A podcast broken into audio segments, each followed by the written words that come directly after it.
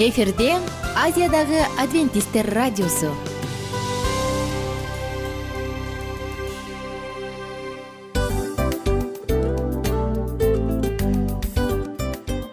Достор салют.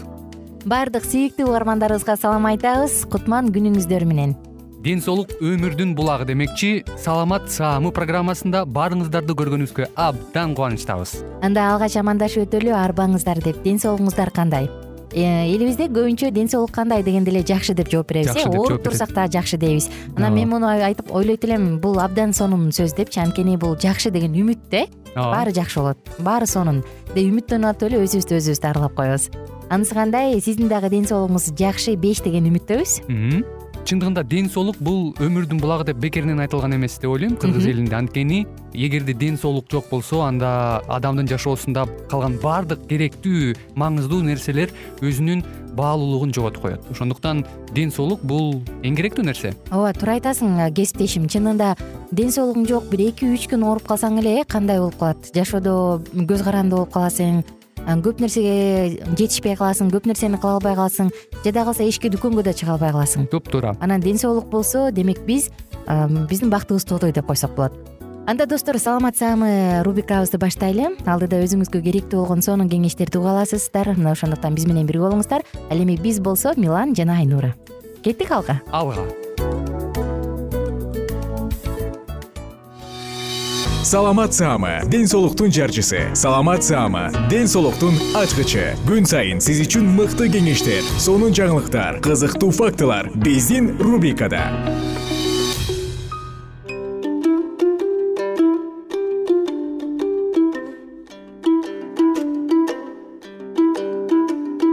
амансыздарбы ардактуу угармандарыбыз кайрадан сиздердин назарыңыздарда ден соолуктун ачкычтары программасы. Бүгүнкү программабыздын чыгарылышында биз өткөн берүүбүздө биз сиздердин эсиңиздерге салып өткөндөй эле алкоголь туурасындагы пикирибизди кайрадан эле улантмакчыбыз. Алкоголь адам баласынын организмине кандай таасирин тийгизет? Дал ушул теманын алкагында бүгүнкү берүүбүздө сөз кылмакчыбыз. Анда эмесе биздин толкундан алыстабай биз менен бирге болуңуздар жада калса кичинекей алкоголь да көздүн курчун кетирет.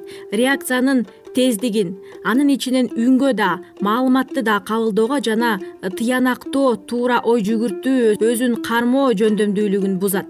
Узак убакыт бою спирт ичимдиктин ченемсиз ичүү булчуңдарды ооруган жерди температураны басымды сезүүчү жана мейкиндиктеги ориентацияга көзөмөлдөөгө нервдин зыянга учурашына алып келет мындан тышкары көптөгөн жылдардан бери аракечтик корсаковдун синдромуна кабылтат.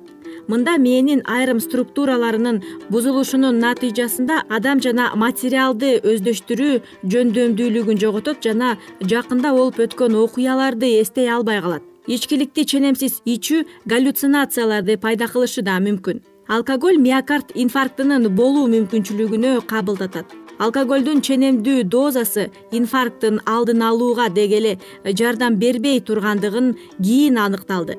Инфаркттан кандагы холестериндин пайдалуу фракциясы жогорку тыгыздыктын липтопротеиндер ндл эки сакталат. Бул фракциянын деңгээли дене бой көнүгүүлөрдүн эсебинен деги эле алкоголдон эмес көтөрүлөт.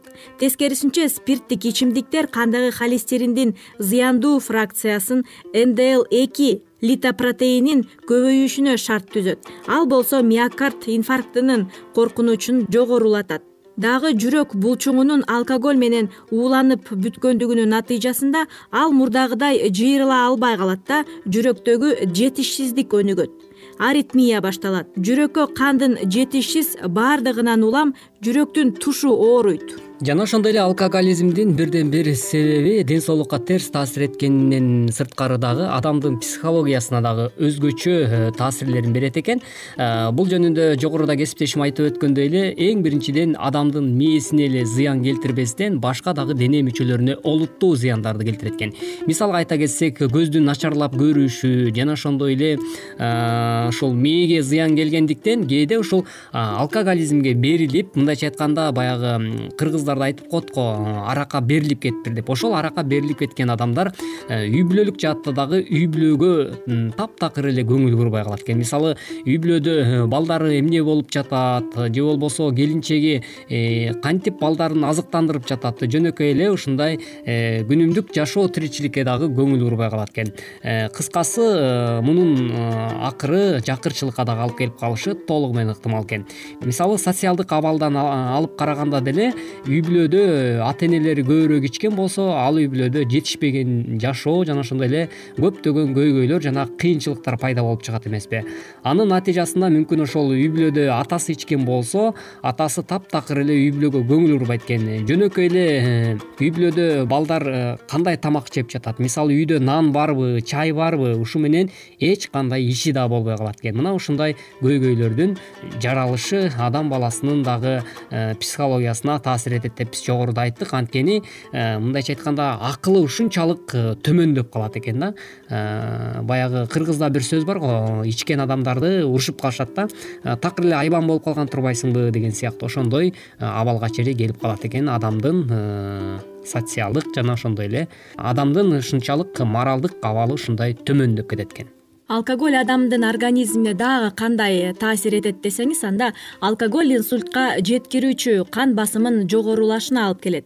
Күн сайын ичкен алкоголдун дозасын көбөйүшүнө жараша салмактыгы сак жана жигиттердин канынын систологиялык басымы кыйла жогорулагандыгын изилдөөлөр көрсөттү. Ичкиликти ченеп ичкен адамдын аны таптакыр ичпеген адамга караганда инсультка кабылуу мүмкүндүгү үч эсе жогору болот экен бул жаатта дагы ар кандай ушундай биз э, буга чейинки программабызда деле айтып өткөндөй көптөгөн олуттуу ар түрдүү ооруларга келип чыгышына түздөн түз грипптер болот деп айтсак дагы болот да. Андыктан урматтуу угармандар чындап эле бүгүнкү күндө ушул арак кулчулугунан э, кантип чыгуунун жолдорун издеп жаткан болсоңуз анда сөзсүз түрдө чыгуу жолу бар. Себеп дегенде бул сизден гана көз каранды. Эң негизгиси э, эрктүүлүк менен жана чечкиндүүлүк керек экен андан сырткары алкоголь тамак сиңирүү аш болумдуу заттардын организмге дароо сиңүү процесстерин бузат. Ал акыры гастритке ашказандын ички былжыр челинин сезгенишине алып келүүчү кычкыл ашказан ширесинин көп иштелип чыгуусу түрткү берет. Гастрит оору менен коштолуп жарага жана кан агуучулукка дагы алып келет. Алкоголь карын безинин сезгенүүсүн пайда кылат. Мында инсулиндин гормондор иштеп чыгуу бузулушу мүмкүн ичимдик ичүү кызыл өңгөчтүн варикоз кан тамырынын кеңейишине алып келиши мүмкүн. Катуу жөтөлгөндө же кусканда ал жарылып кан агып өлүмгө дагы алып барышы мүмкүн. Ичимдик ар кимге ар кандай таасир этет? Бир күндө стандарттуу өлчөмдөн экиден ашык ичпегиле. Бир жумада ичкиликти жок дегенде эки күн оозуңарга албай койсоңор дагы эң туура болот окшойт алкоголдук ичимдиктен арылуунун э, бирден бир жолу бул ошол албетте баягы ичпей койгон учурда дагы айрымдары мүмкүн буга чейин мисалы ошол аракка берилип калган адамдар э айрыкча баягы ичпей койгондо мисалы бир саат эки саат ичпей калса эле ломка башталат ломка деп коюшат да ошол ломка кыйналып баштайт адам э кыйналып баштаган учурда демек э, баягы сырттан издеп башташат мүмкүн. Ошо көчөгө чыгып же жора жолдошторун издеп эле анан таап алып эле кайра ичкенге аракет кылып баштайт эгерде ушундай нерсеге кабылып калган болсо анда ал адамдын бул илдеттен чыгышы өтө эле кыйын. Ооба ошо менен биргеликте эле ушул ичкиликтин айынан адамдын э, бир нече органдары ички органдары жабыр тартышы толугу менен ыктымал экен. Андыктан кадырман радио каармандар бүгүнкү берүүбүздөгү кеңештер сиздин жашооңузга өзүнүн жакшы жактарынан бир таасирин берет деген үмүт менен бизге бөлүнгөн убакыт дагы өз соңуна келип жетип калыптыр. Э, бүгүнкү берүүбүздө сиздер алкоголизмдин э, биздин организмге тийгизген терс таасирлери туурасында уга алдыңыздар. Албетте кийинки уктуруудан кезиккенче аман болуңуз жана бар болуңуз. Сизге чың ден соолук жана кажыбас кайрат каалайбыз сак саламатта калыңыздар саламат саама ден соолуктун жарчысы. Саламат саама ден соолуктун ачкычы. Күн сайын сиз үчүн мыкты кеңештер сонун жаңылыктар кызыктуу фактылар биздин рубрикада.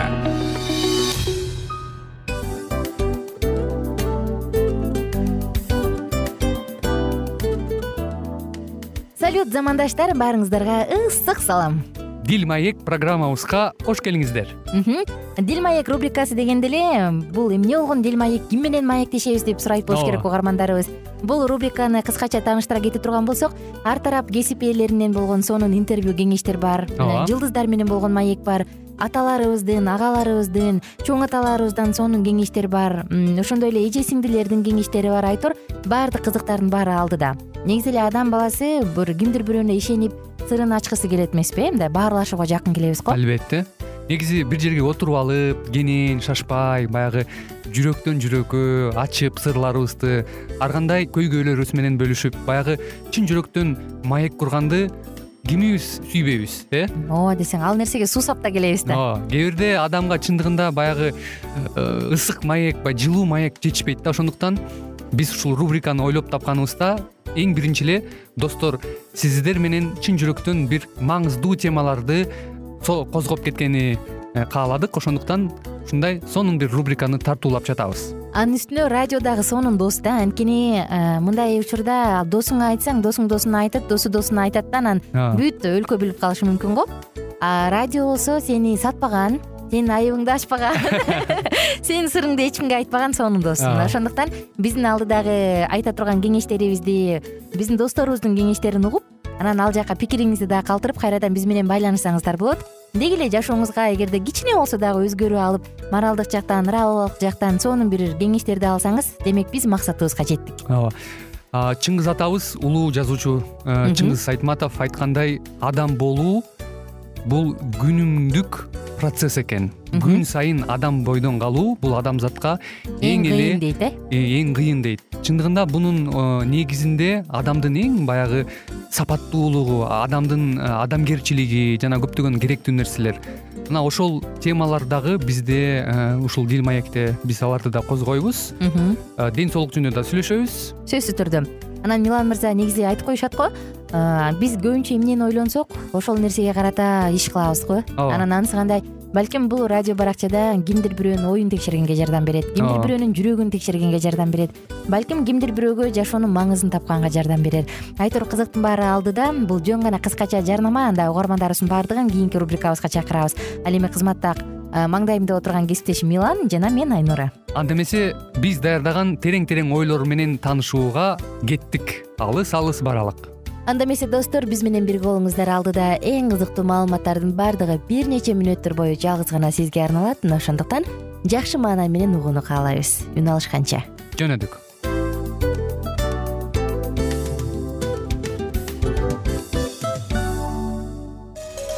Ар түрдүү ардактуу кесип ээлеринен алтын сөздөр жүрөк ачышкан сыр чачышкан сонун маек дил маек рубрикасында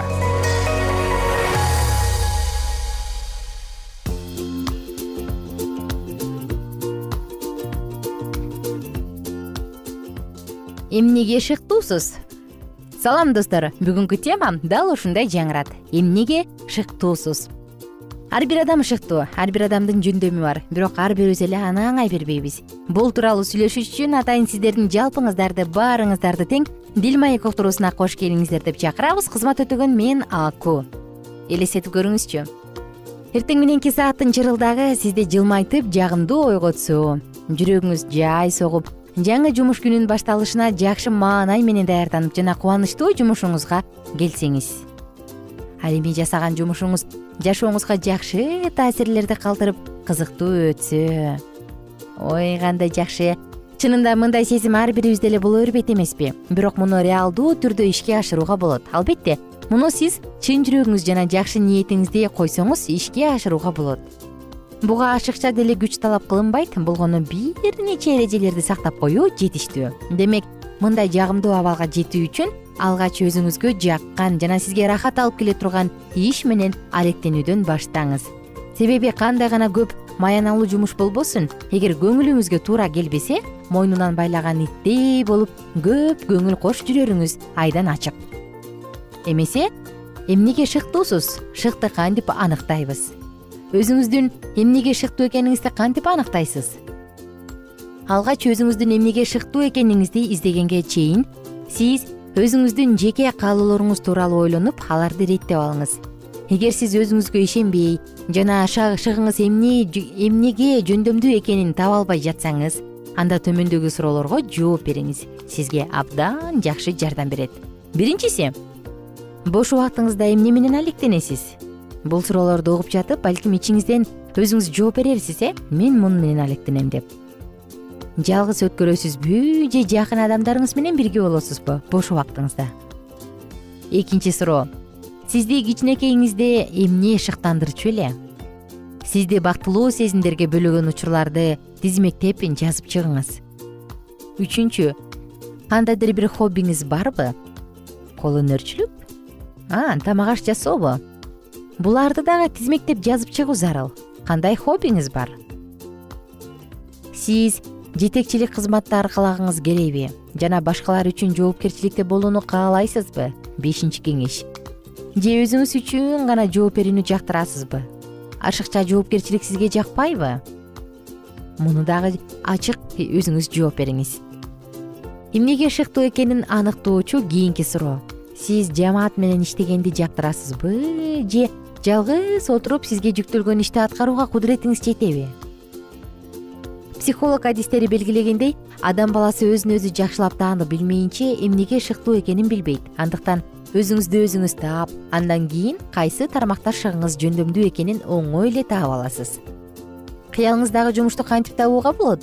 Өзүңүздүн эмнеге шыктуу экениңизди издеп тапканга караганда кыялыңыздагы жумушту издеп ага орношу бир топ эле кыйынчылык жаратат көп күч жана убакыт талап кылынат ал эми бул кеңештер сиздин ишиңизди жеңилдетүүгө жардам берет. Эң эле биринчи пайдалуу тааныш күтө билиңиз. Крышасы бар экен деп калышат эмеспи? Анысы кандай? Тааныштарыңыз пайдалуу адамдар болсо жакшы. Өзүңүзгө жаккан жумушту табыш үчүн чөйрөңүздөгү адамдарды кеңейтип ошол тармактагы жаңы жана пайдалуу адамдар менен таанышуу керек болот. Албетте жолдон жака калган адам менен эле тааныша албайсыз андыктан тааныштардын таанышы менен таанышууга аракет жасап көрүңүз. Экинчи кезекте максат кое билиңиз. Ой максат демекчи адамды алдыга жетелей турган же таптакыр көмүп кое турган дал ушул максат.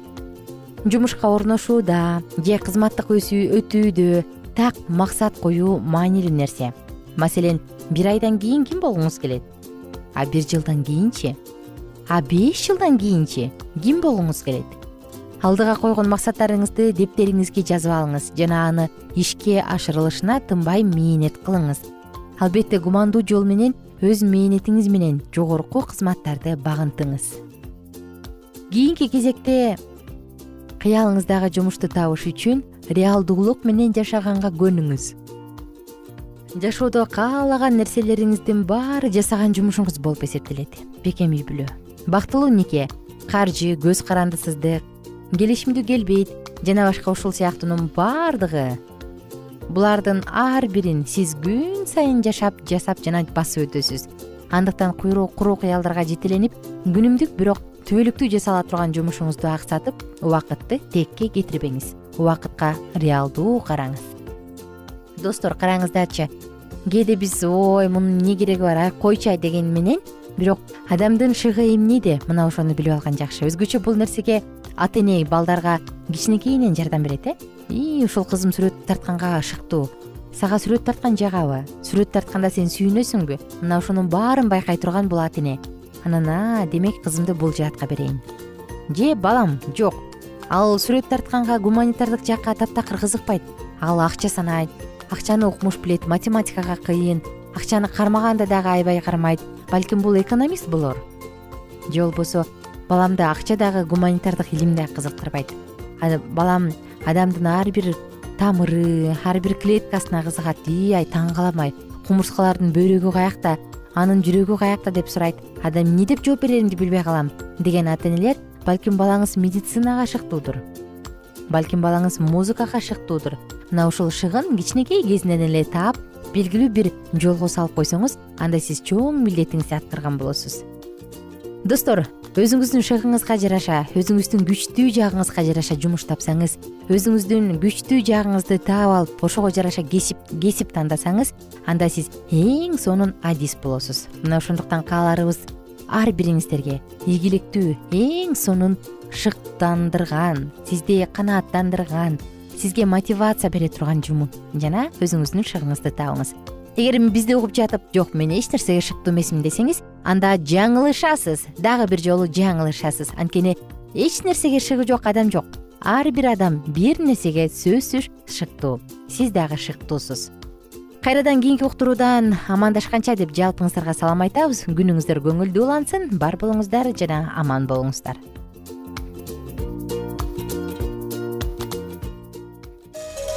ар түрдүү ардактуу кесип ээлеринен. Алтын сөздөр жүрөк ачышкан сыр чачышкан сонун маек. Дил маек рубрикасында.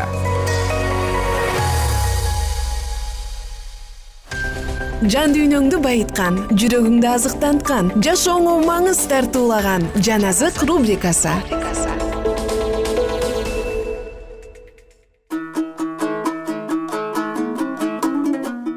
саламатсыздарбы угармандар? Сиздер менен улуу күрөш китебин улантабыз.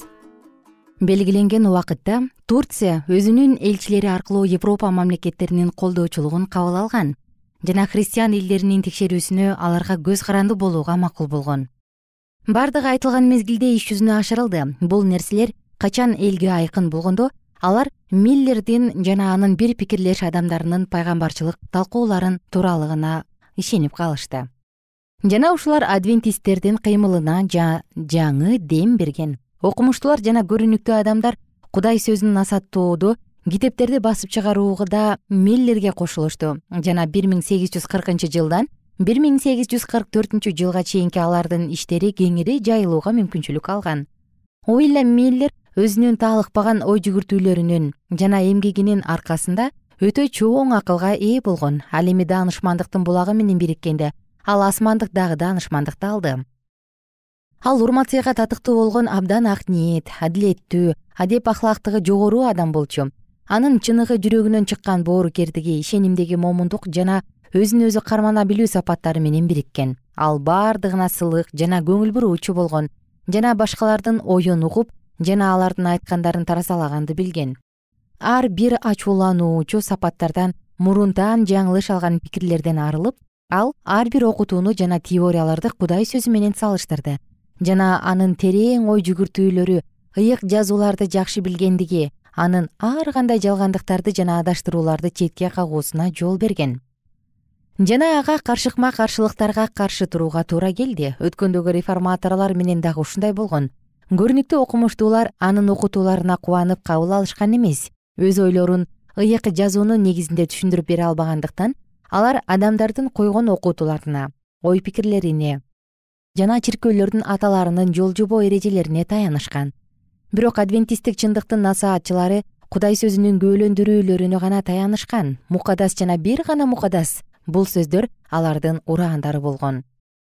Чындыктын душмандары ыйык жазуунун далилдерин шылдыңга алышып жана аларга тил тийгизишкен.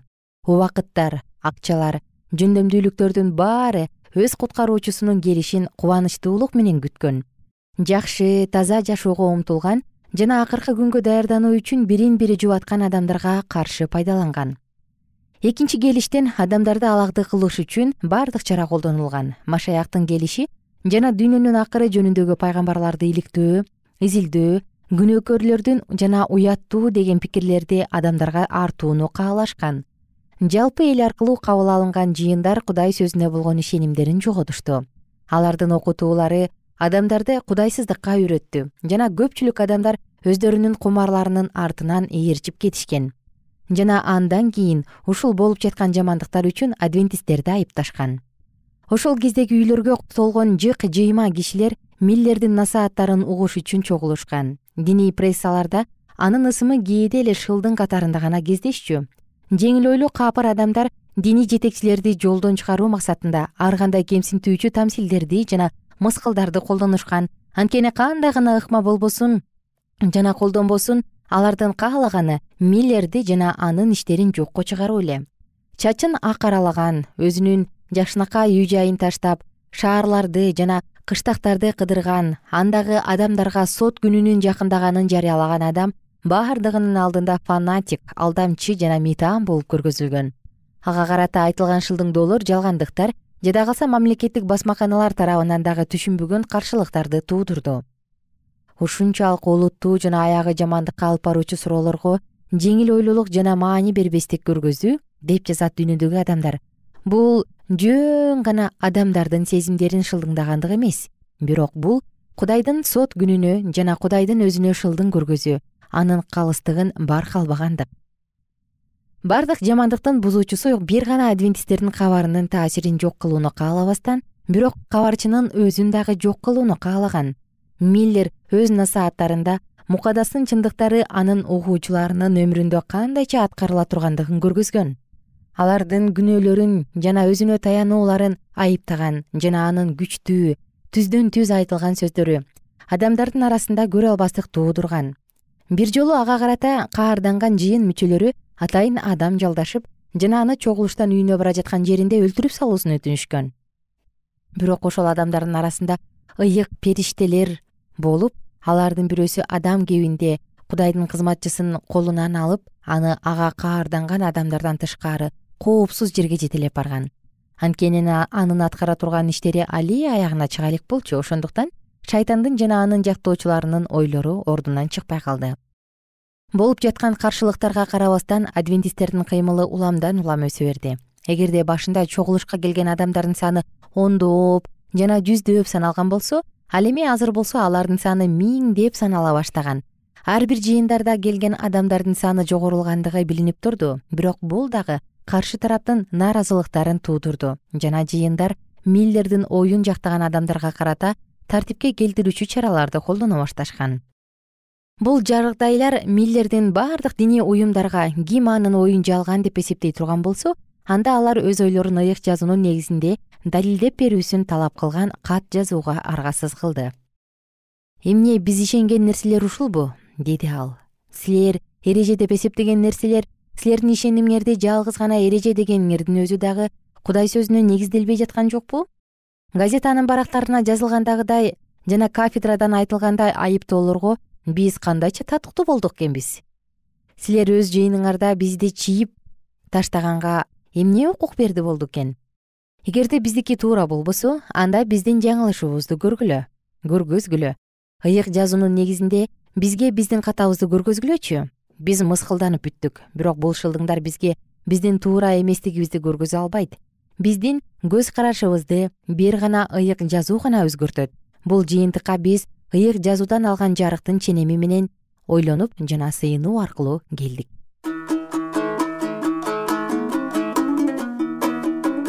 Достор сиздер менен окуянын уландысын кийинки уктурууда улантабыз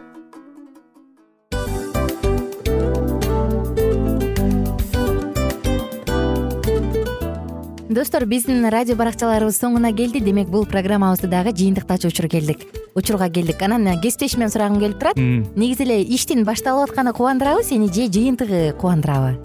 Албетте жыйынтыгы. Себеп дегенде сен кылган ишиңдин жыйынтыгын көрүп э, баягы мөмөсүн көрүп дегендей жыргайсың жүрөгүң жемишинен тартып э кандай даамдуу деп. Баягы буудай сепкенде эмес буудайдын эгинди жыйнагандан кийин ысык нанды жегенде кадимкидей ырахаттанасың го. Ой айтпа туура айта кеттиң сонун салыштыруу болду анан мен дагы абдан кубанып турам анткени биз угармандарыбыз үчүн аябай эмгектенип келген уктуруубуздун соңуна келип калдык. Анан эми э, уктуруубуздун соңунда угармандар кандай пайда алып калды экен деп күтүп турам да. Балким э, менин жашоомо өзгөрүү киргизе турган сонун сөздөр болду мен ушул нерсени изилдеп анан кабыл албасам ушул нерсени кылбасам деген чечим чыгарсаңыз анда биз абдан кубанычтабыз. Сөзсүз түрдө. Андыктан кийинки биздин кызыктуу уктурууларыбыздан көрүшкөнчө сак саламатта калыңыздар. Чыдамсыздык менен сиздерди мен милан жана кесиптешим айнура күтөбүз. Баардык угармандарыбызга ийгиликтүү күн каалайбыз. Качан гана болбосун уртуңуздан жылмаюу кетпесин үйүңүздө көмүр жүрөгүңүздө көңүл болсун дейли